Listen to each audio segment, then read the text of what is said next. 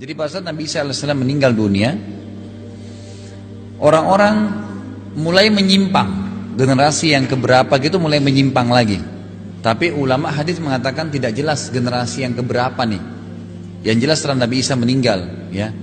Kemungkinan besar ini mungkin dua tiga generasi setelah Nabi Isa meninggal. Waktu itu orang-orang masih beriman kan satu satu dunia ini kan semua Muslim waktu itu sudah beriman semua. Tapi setelah Nabi Isa meninggal, mulai orang-orang menyimpang, mulai lagi ada yang melanggar, mulai lagi ada orang yang tidak sholat, mulai lagi ini dan mulai lagi itu, macam-macam, gitu kan? Mulai buat kerusakan-kerusakan. Nah pada saat itu Allah swt mengeluarkan dabah. Dabah ini hewan, ya hewan yang kemungkinan besar, kemungkinan besar dia lebih menyerupai uh, gorila, lebih, lebih menyerupai kera karena ciri-ciri disebutkan dalam hadis itu dia berdiri berjalan seperti manusia tapi badannya penuh dengan bulu. Dan dia hewan tapi dia akan bisa berbicara seperti bicaranya manusia. Dia akan keliling mengingatkan orang. Jadi dia menjadi dai. Kamu salah. Ini kafir ini kufur ini salah. Diingatkan sama dia dan nanti daba ini membawa sebuah alat tidak jelas apa itu, apakah itu besi, apakah itu. Kalau orang yang patuh kembali kepada Allah ya sudah. Orang yang tidak patuh maka dicap sama dia. Ya. Bagaimana caranya Allah alam. Yang jelas ini berarti orang yang melanggar, itulah. Orang yang melanggar. Seperti itulah. Dan dia akan sampai dabba ini dalam beberapa asar disebutkan dia akan sampai ke apa namanya? Dia akan sampai ke sekitar e, Ka'bah, ke sekitar Ka'bah mengingatkan semua orang-orang yang e, melakukan pelanggaran-pelanggaran.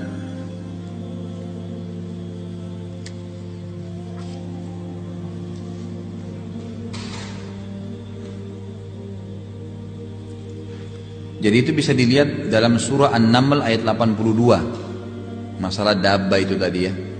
Masalah hewan yang keluar itu. An-Naml ayat 82. Itu ada kalau tidak salah kalau di buku yang kayak Ibu Imas pakai ini, yang saya pakai ini yang baru, yang tebal ini halaman 82. Ya, An-Naml ayat 82. Saya bacain ayatnya, A'udzubillahiminasyaitonirrajim. Wa idza waqa'al qawlu 'alaihim akhrajna lahum dabbatan minal ardi tukallimuhum anna an-nasa kanu biayatina la yuqinun.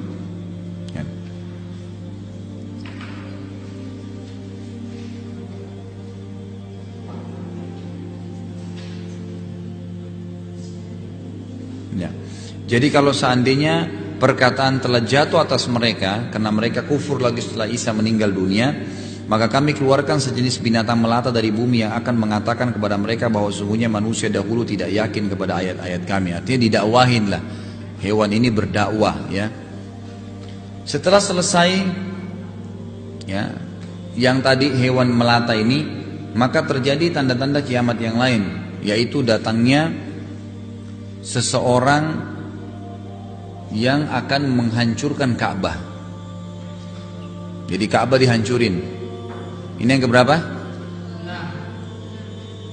Yang keenam. Jadi nanti akan datang seseorang disebutkan dalam hadis dari Habasyah, dari Ethiopia.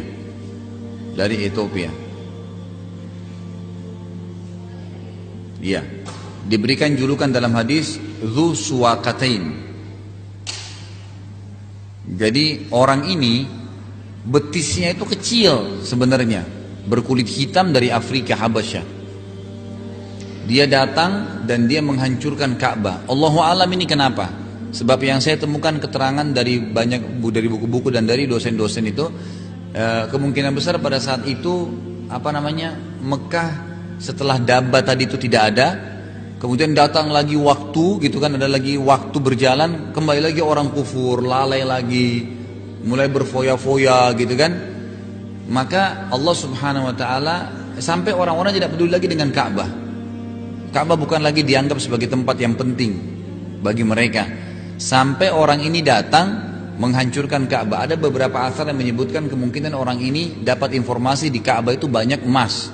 Maka dia mau hancurkan Kata Nabi, sungguh Allah perlihatkan kepada saya bagaimana dia menghancurkan Ka'bah batu demi batu.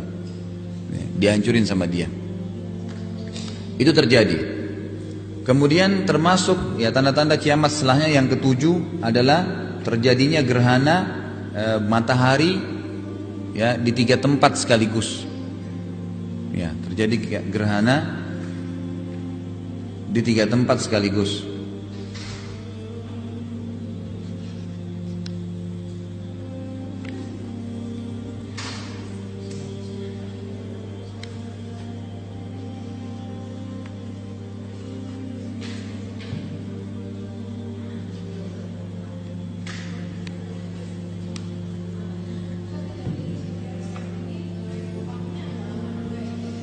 Kenapa?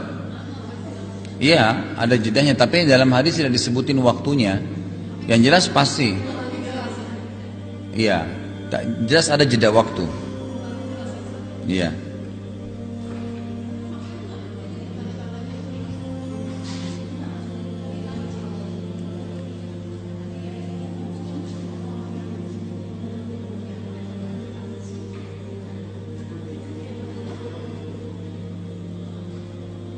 Kemudian akan terjadi gempa besar. Ya, gempa besar ya. Gempa besar ini terjadi di wilayah timur, bumi, barat dan jazirah Arab yang membuat sebagian besar tanahnya longsor.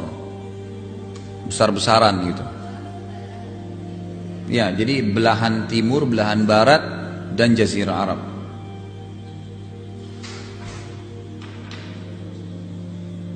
Kemudian setelahnya yang keberapa? Yang kesembilan itu keluarnya api dari wilayah Aden. Aden itu wilayah Yaman ya. Di wilayah Aden.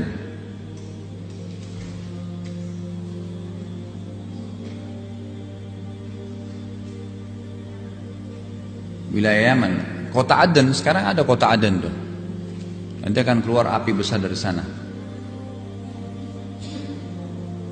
Yang ke-10 itu matahari terbit ya, dari sebelah barat dan terbenam di timur. Itu terakhir tuh.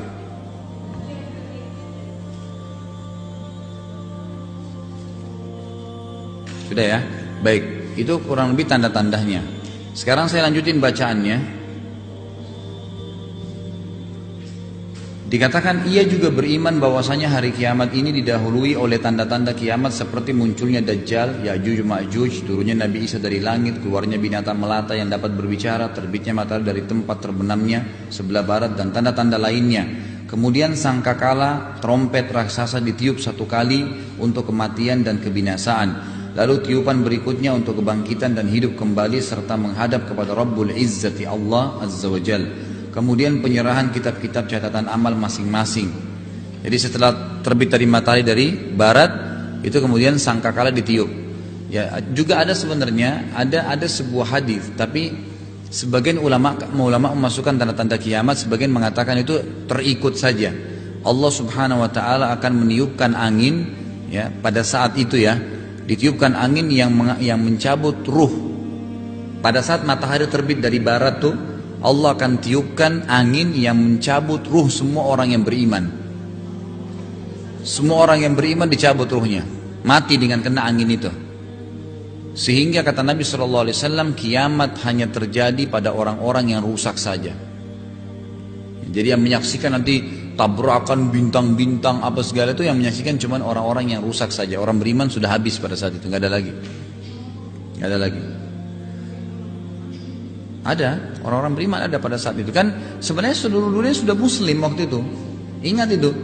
Jadi tapi nanti akan banyak kelalaian-kelalaian lagi yang terjadi karena waktu itu sudah tidak ada nabi, sudah tidak ada orang sudah seluruh dunia ini bagaimana ngontrolnya di sana, di sini, di sana.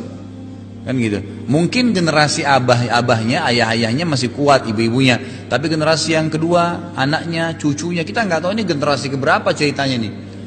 Karena tidak ada penyebutan tentang tahun, berapa tahun itu tidak ada penyebutan. Ini kemungkinan memang lama, mungkin ratusan tahun, Allah alam kita nggak tahu.